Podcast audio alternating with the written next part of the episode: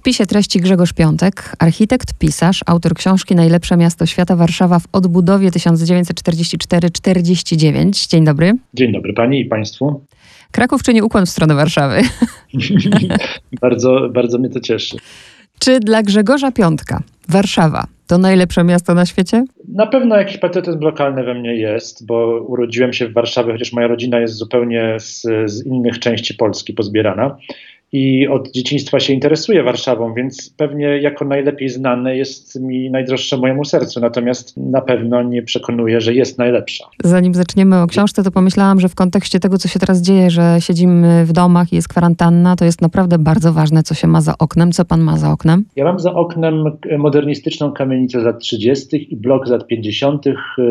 To jest śródmieście, taka część Warszawy, która została ukształtowana po wojnie, bo na granicy MDM-u, Placu Konstytucji. Także jak... bliska treści książki też. Ale jakieś drzewo tam jest? Jest, jest, nawet trzy.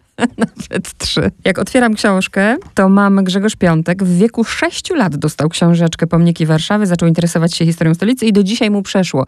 I pierwsze pytanie jest takie, kiedy narodził się ten pomysł w takim razie, żeby zająć się tym tematem już tak na poważnie? Książkę pisałem ponad trzy lata, ale e, tym tematem e, odbudowy Warszawy czy powojennej Warszawy zajmuję się od dawna. Jestem gdzieś tam w moich zainteresowań, bo w ogóle interesuję się głównie Warszawą dwudziestowieczną, modernistyczną, a to był okres, w którym, w którym Warszawa została kształtowana. To są właściwie korzenie współczesnej Warszawy pod kątem i architektonicznym, i urbanistycznym, i społecznym. Także niby trzy lata pracowałem nad książką, a tak naprawdę jest efektem informacji i refleksji zbieranych od, od bardzo dawna. I teraz się zastan... Nie, niekoniecznie od wieku 6 lat, ale. Domyślam się. Pan dedykuje tę książkę warszawskim tygrysom. Warszawskie tygrysy to są moi przyjaciele, to jest taki kod e, e, wewnętrzny, więc, a jednocześnie jest to gra z tym, że warszawskie tygrysy to jest pseudonim trójki architektów, którzy pracowali w, w, wtedy, e, autorów między innymi Domu Partii.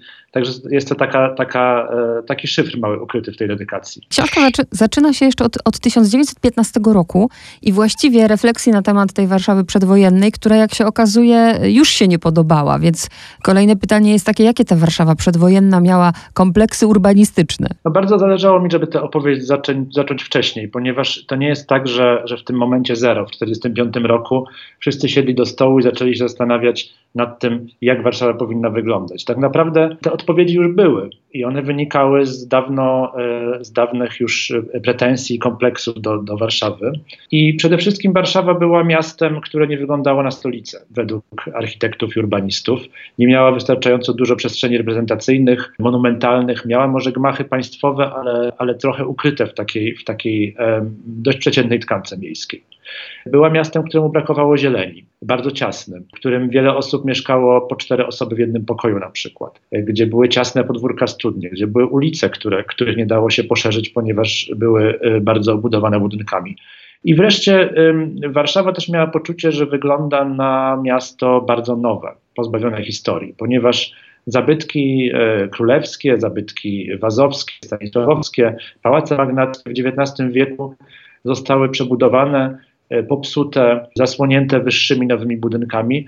Także też, też było silne poczucie, że przy okazji odbudowy w Warszawie trzeba jakby wydłużyć metrykę, pokazać, że to jest miasto, które oczywiście nie, nie ma tak długiej tradycji jak Kraków, ale też ma swoją e, historię związaną z, z właśnie e, monarchią, z mieszczaństwem, a nie tylko z tą taką czynszową zabudową XIX-wieczną. Zabrzmi to w takim razie strasznie, no bo rzeczywiście ktoś może pomyśleć, że ta Warszawa no, zaczęła się budować po wojnie, a tak naprawdę plany przebudowy tej Warszawy były dawno, dawno temu i krótko mówiąc, co zabrzmi strasznie, tak jakby wojna spadła trochę z nieba tym, którzy chcieli tę Warszawę zmieniać. Tak, to było przewrotne błogosławieństwo. To znaczy zniszczenie Warszawy umożliwiło przeprowadzenie wielu projektów, które przed wojną istniały na papierze, czy o których dyskutowano, ale nie było tak naprawdę szans na ich realizację. To też jest takie mm, ciekawe, ciekawostka, może, czy może wszyscy wiedzą, może nie wiedzą.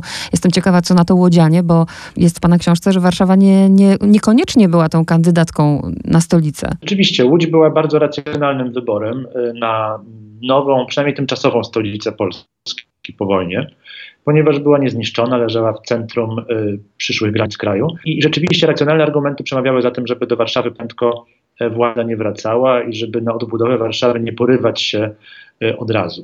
Ale przeważyła jednak po pierwsze to, że warszawiacy, nie zważając na to, że odradzano im to, w pierwszym odruchu od razu do Warszawy wracali i próbowali się na tych ruinach zagnieździć. I już właściwie po paru dniach nie było odwrotu. E, po drugie, y, była kalkulacja polityczna, to znaczy y, Stalin, który opiekował się rządem komunistycznym, rządem lubelskim, że tak się wyrażę, rozumiał, że, że ten rząd, który był uważany za uzurpatorski przez część społeczeństwa, po to, żeby się legitymizować, po to, żeby się uwiarygodnić, musi jak najszybciej ulokować się w Warszawie i potrzebuje takiego projektu jak odbudowa właśnie, E, którym udowodni swoją skuteczność i który też będzie miał taką moc przyciągania e, ludzi niezależnie od tego, od, od ich poglądów politycznych czy, e, czy zapatrywań na sytuację w kraju. Czyli chodziło też o czas i dlatego tak już jeszcze wojna trwa w najlepsze, jeszcze kule latają nad głowami, a Warszawa już się buduje? Absolutnie i ja jestem przekonany, że gdyby, żeby rzeczywiście, że gdyby to zadanie odłożono na później, to odbudowa Warszawy zdarzyłaby się znacznie, znacznie później, bo zawsze byłyby pilniejsze E, wydatki. W momencie, kiedy władza już by zajęła się sobą w tej łodzi, ulokowała się tam, zagnieździła, to, to, to odbudowa Warszawy długo wydawa, mogłaby się jeszcze wydawać fanaberią. A tak właściwie polityką faktów dokonanych zaczęło dziać się to bardzo szybko. Dzisiaj myślę, że nie miałabym wątpliwości chyba na ten moment, żeby na przykład sobie odpowiedzieć na pytanie, kto by decydował o tym, jak wygląda Warszawa, gdyby miała się budować. A w 1944 roku kto o tym decyduje? Chodzi mi o to, żeby pan przybliżył tutaj tą instytucję BOS-u. Tak, w 1945 roku nie pytano właściwie o zdanie mieszkańców. My teraz jesteśmy przyzwyczajeni do tego, żeby żądać tego, żeby o kształt miasta przyszły nas pytano, czy jakieś projekty. Tutaj jednak odpowiedzialność wzięli fachowcy, którzy, którzy uważali, że wiedzą, co jest potrzebne i jak Warszawę zmieniać. To znaczy, to, to już o czym mówiłem, czyli chodzi o to wprowadzanie zieleni, rozróżnianie zabudowy, poprawianie zabytków, tworzenie przestrzeni reprezentacyjnych. To całe środowisko skupiło się wokół Biura Odbudowy Stolicy, powołanego bardzo szybko, bo już w lutym 1945 roku. I BOS stał się takim super urzędem, super instytucją, w której zarówno zajmowano się bardzo prozaicznymi problemami, jak e, odgruzowanie czy łatanie ulic, czy odbudowa mostów, e, jak i dalekosiężnym planowaniem, właśnie tym śmiałym przekształcaniem Warszawy. W BOSie spotkali się architekci o przeróżnych biografiach i poglądach politycznych, także nie jest też tak, jak się często uważa, że pomysł na odbudowę Warszawy to było coś, co przyjechało z Moskwy w teczce. Ta ingerencja polityczna ze wschodu zaczęła się dopiero po kilku latach. Jej efektem jest Pałac Kultury na przykład, czy, czy Plac Konstytucji ale e, w pierwszych pięciu latach, kiedy zapadły najważniejsze decyzje, fachowcy działali w oparciu o swoją wiedzę i w oparciu o pomysły, które właśnie już od lat 30. czy podczas okupacji rozwijali, czerpali inspiracje z e, Wielkiej Brytanii, ze Szwecji, z Holandii, z Rosji trochę też, ale nikt ich do tego nie zmuszał.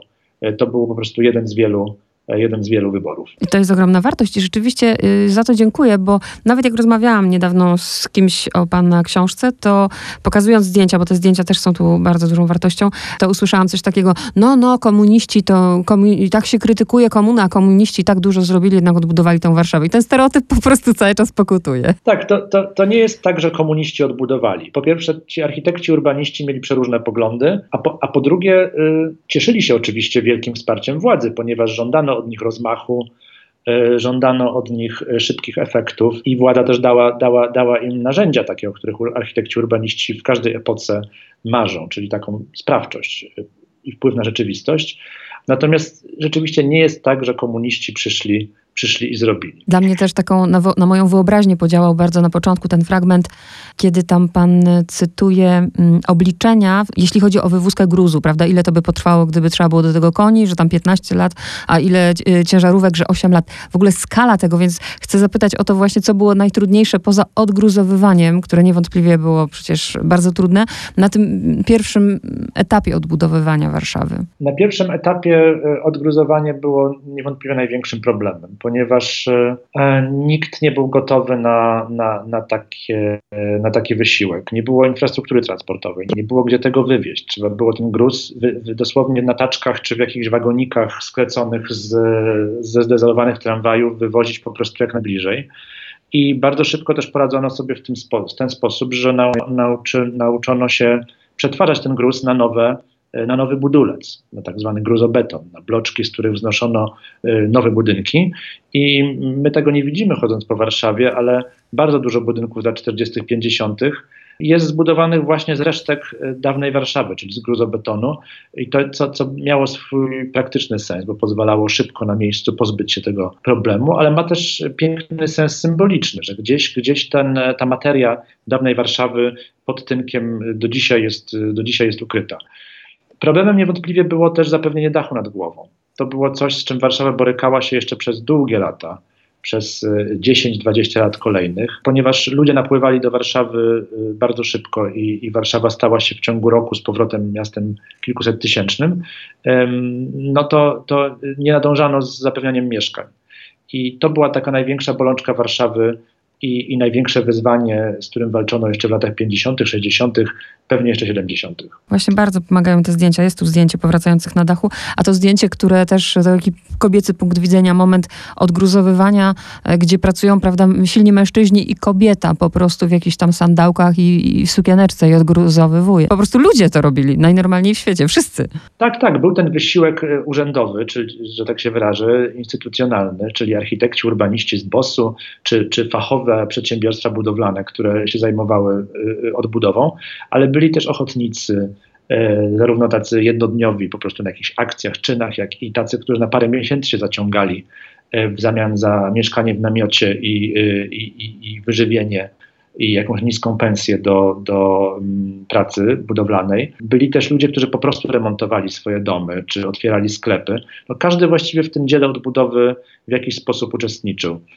I ta rola kobiet też jest ciekawą kwestią, ponieważ właściwie od kobiet zaczęła się odbudowa Warszawy. To kobiece, e, kobiety ochotniczki e, w styczniu 1945 roku usypały nasyp kolejowy prowadzący na most, którym radzieckie pociągi e, pojechały dalej na zachód w stronę Berlina razem z, ra, razem z frontem.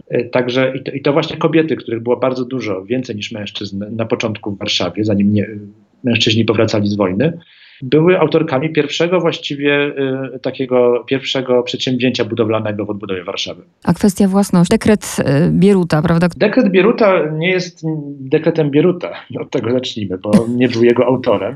E, I to jest też ciekawe, że to jest taka kolejna, e, kolejny przykład tego, jak tęsknoty architektów i urbanistów spotkały się z interesami władzy. To znaczy, Bierut jako przewodniczący Krajowej Rady Narodowej się pod tym dekretem podpisał, natomiast był on, e, był, był ten, było to prawo wynikiem takiej, takiego pragnienia, które również wśród architektów i urbanistów niezależnie od poglądów politycznych, było żywe od, od, od wielu lat w Warszawie. To znaczy, w Warszawie e, bardzo mało terenu należało do, do miasta, do samorządu.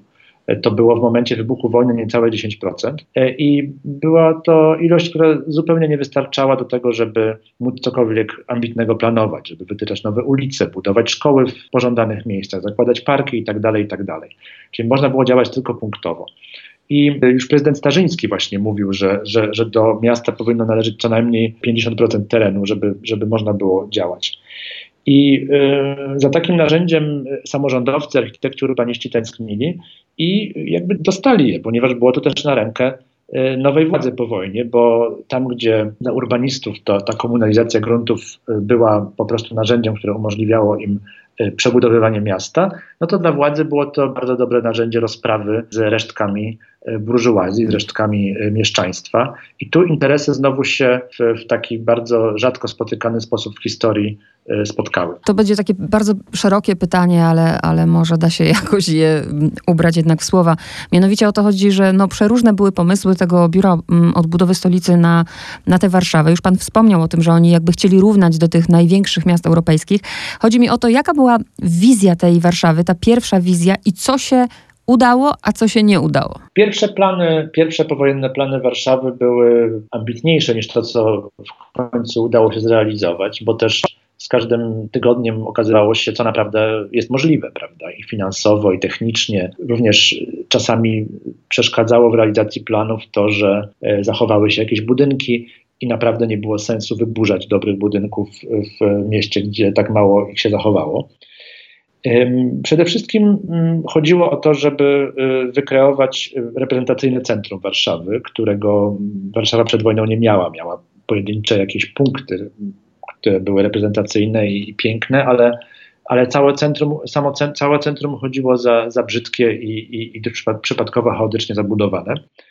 E, chodziło o to, żeby dzielnice zabytkowe, czyli Stare Miasto i okolice Traktu Królewskiego y, odbudować w poprawionej y, formie, żeby właśnie te wszystkie naleciałości z XIX wieku zedrzeć i, i wydobyć piękno E, domniemane piękno dawnej Warszawy, takie jakie było znane z obrazów Canaletta. Chodziło też o to, żeby wprowadzić zieleń na dużą skalę i to się udało niewątpliwie i e, stworzyć też e, dobre warunki do mieszkania. To znaczy wtedy dopiero w Warszawie zaczyna się myślenie, czy myślenie było przed wojną już, tylko że nie było możliwości działania, o tym, żeby, żeby budować takie kompletne osiedla, które będą zapewniały wygodne mieszkania, zieleń, E, lokalne usługi, szkoły, przedszkola i tak dalej, czyli takie zamknięte, skończone społeczności, które zapewniają wygodne, e, wygodne życie. To wszystko nie, nie, nie, nie udało się, w, to, to wszystko nie zostało zbudowane od razu w pierwszych pięciu powojennych latach, ale trzeba przyznać, że, że bardzo dużo z tego myślenia zostało na następne dekady i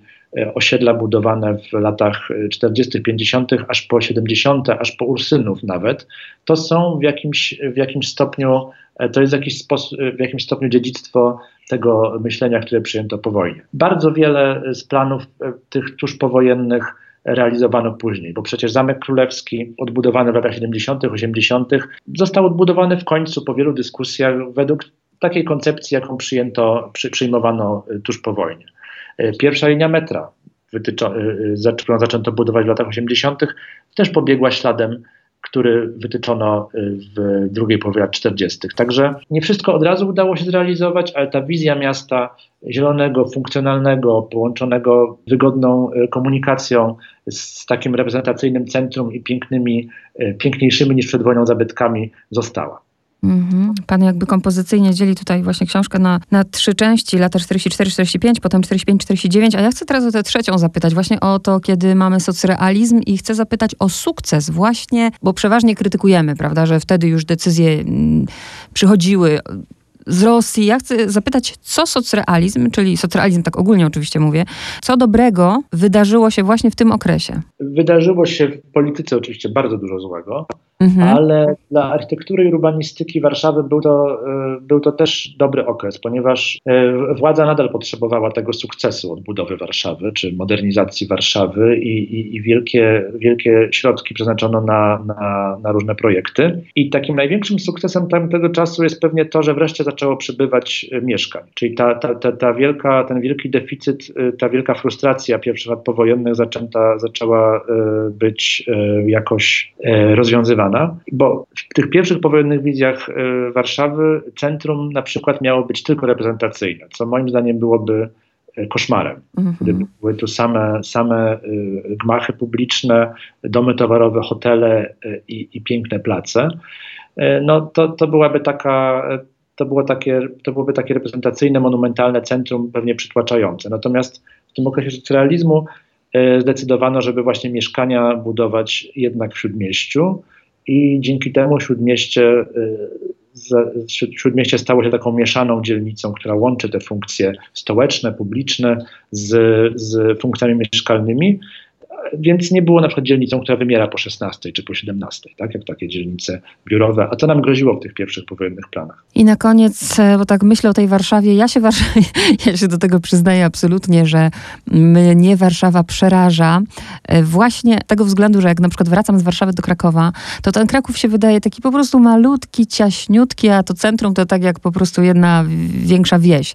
A Warszawa jest tak porozrzucana. Ja chciałam zapytać o to, niech mnie pan przekona, że to jest przyjazne miasto miasto i łatwe do ogarnięcia. E, to są, to rzeczywiście są przyzwyczajenia. Ja na przykład, kiedy y, zdarzało mi się być w Londynie, to też na przykład się uważałem, że nie da się w tym mieście żyć, bo na przykład nie potrafię wymierzyć, jak dużo czasu zajmie mi dotarcie z punktu A do punktu B, bo po prostu to jest skala, do której nie jestem przyzwyczajony. I rzeczywiście Warszawa jest dość porozrzucana i jest to też w jakiś sposób dziedzictwo tego, te, te, tego powojennego planowania, gdzie, gdzie bardzo rozróżniono zabudowę, wprowadzono zieleń i, i, i to spowodowało takie rozrzedzenie, rozrzedzenie miasta. Ale y, myślę, że y, mieszkając tu da się do tego przyzwyczaić i da się też to nawet docenić i polubić. To jest, to jest kwestia nawyków, y, przyzwyczajeń, organizacji życia. Y, Warszawa ma też y, wiele pięknych miejsc, także jeśli już się dojedzie, to jest się wynagrodzonym. Na przykład bulwary czy, czy, czy Skarpa Wiślana, która została też podczas odbudowy wydobyta i, i zazieleniona. Znowu Stare Miasto, Trakt Królewski, czy, czy te modernistyczne dzielnice, to są, wszystko, to są wszystko piękne miejsca i też wygodne do życia. To znaczy w Warszawie się bardzo wygodnie żyje w obrębie na przykład konkretnej dzielnicy. Ta, ta, ta mądrość powojennego planowania, że planujemy takie kompletne osiedla, kompletne dzielnice, procentuje cały czas i powoduje, że w Warszawie po prostu jest bardzo wiele ładnych, funkcjonalnych, wygodnych miejsc do mieszkania, e, słonecznych mieszkań, gdzie w których ma się drzewo za oknem, e, a nie ścianę sąsiedniego budynku. To wszystko jest właśnie y, dziedzictwo tamtych, tamtych czasów. Właśnie kiedyś mi znajoma powiedziała, która mieszkała parę ładnych lat w Warszawie, mówi, ty się nie martw, bo w Warszawie żyje się, mówi, w dzielnicach, właśnie konkretnych dzielnicach, gdzie jest wszystko, tak jakby się żyło w małym miasteczku, że życie po prostu raczej poza te dzielnice ludzie sobie ustawiają często, że mają i tam pracę, i ośrodek zdrowia, i szkołę, i żyją po prostu w, konkretnej dzielnicy. Tak, i myślę, że to jest coś za coś. Oczywiście powoduje to jakieś takie rozrzedzenie miasta, które powoduje uciążliwe dojazdy, jeśli trzeba się, trzeba dojeżdżać, trzeba się ruszać. Ale ja na przykład z kolei wychowany w, w, właściwie wśród modernizmu całe życie, źle się czuję w takim mieście, w takim mieście jak centrum Krakowa czy centrum Budapesztu, które nie zostało przez wojnę i przez modernistów przerzedzone i zazielenione. E, kiedyś na przykład e, chwilę mieszkałem w, na parterze w podwórku studni i, i, i, dostawałem tam szału, bo, bo, bo sam fakt, że ja nie widzę tej, te, tego kawałka nieba za oknem, nawet jak się wychylę, był, był dla mnie jakiś przygnębiający i no, są, są, są, różne, są różne modele miasta. Myślę, że, że, że w każdym można znaleźć jakieś, jakieś zalety.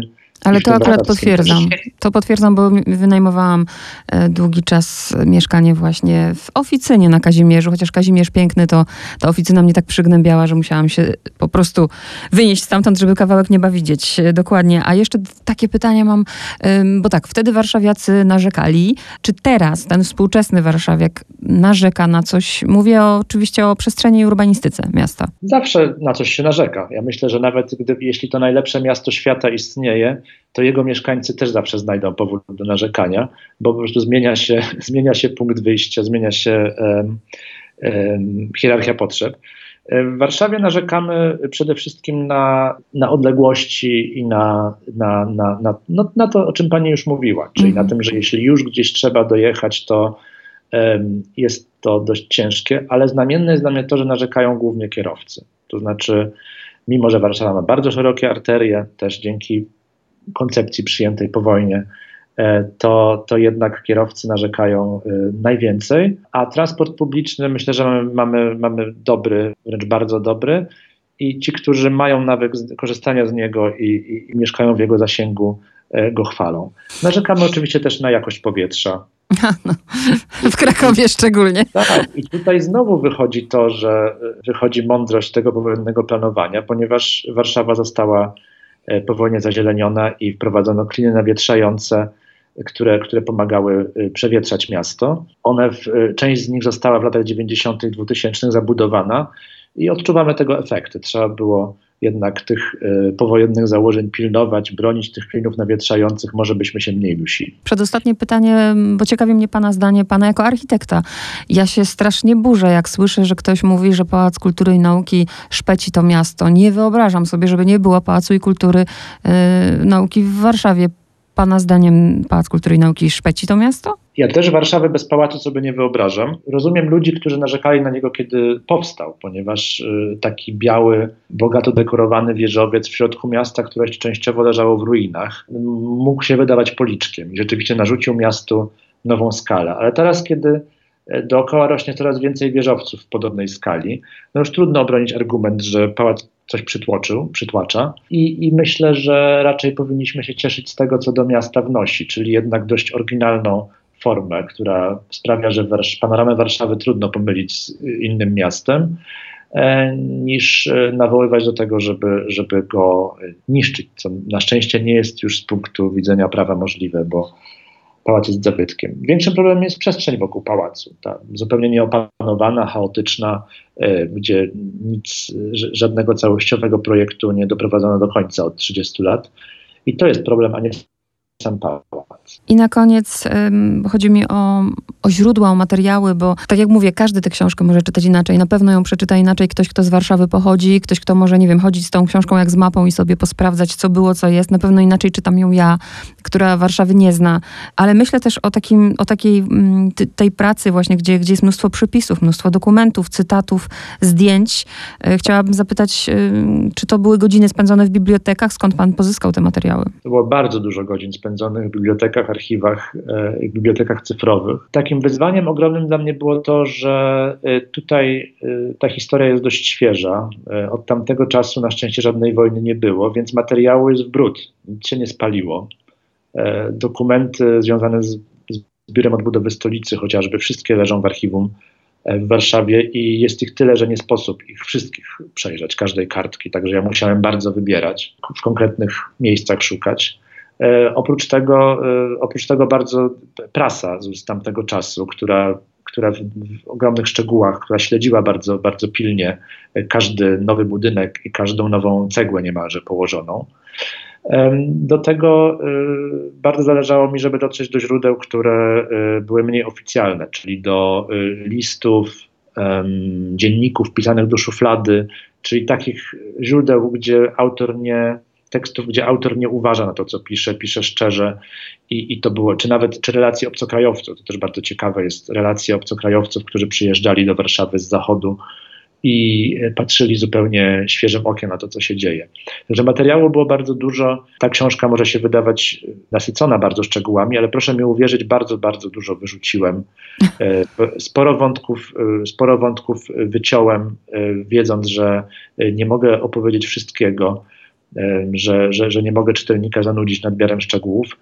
I, I chciałem tę książkę skroić tak, żeby właśnie zarówno osoby, które niewiele wiedzą o Warszawie albo niewiele wiedzą o tym okresie, e, ją e, z zainteresowaniem przeczytały, a żeby osoby, które zajmują się nawet konkretnymi architektami, czy budynkami, czy tacy warszawianiści zapaleni, też tam znaleźli jakieś ciekawostki czy interpretacje y, zupełnie, zupełnie nowe. Czytał pan powojenne dzienniki Marii Dąbrowskiej? Absolutnie i tam też je, tam też je cytuję. Wiem, dlatego, a ja właśnie dlatego o nich wspominam, bo to są jedne z moich ulubionych dzienników i o Warszawie, jeśli się czegokolwiek dowiadywałam tej powojennej, to właśnie z tych dzienników, chociaż jeszcze ocenzurowanych. Tak, ale jest też wydanie sprzed paru lat bardzo niskonakładowe, y, które w bibliotekach powinno być, które bardzo polecam, zupełnie bez cenzury. Tam jest wszystko. I tak, dzienniki Dąbrowskiej, Naukowskiej to są takie e, podstawowe źródła do, do, do historii tamtych czasów.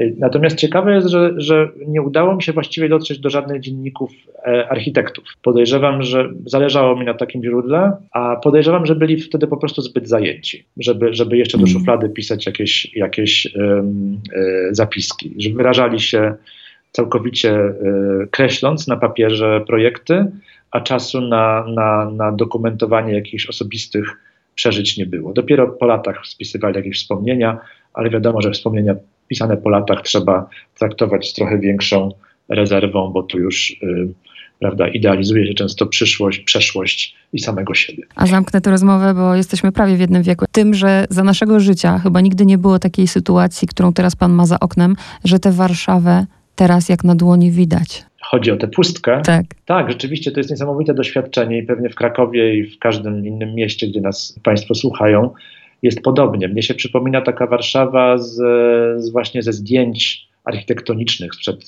50 czy 40 lat, gdzie fotografowie często czekają na taki moment, kiedy nie ma ludzi, albo kiedy jest mało samochodów zaparkowanych w okolicy, nie przejedzie przypadkiem i widać właściwie taką dużą makietę.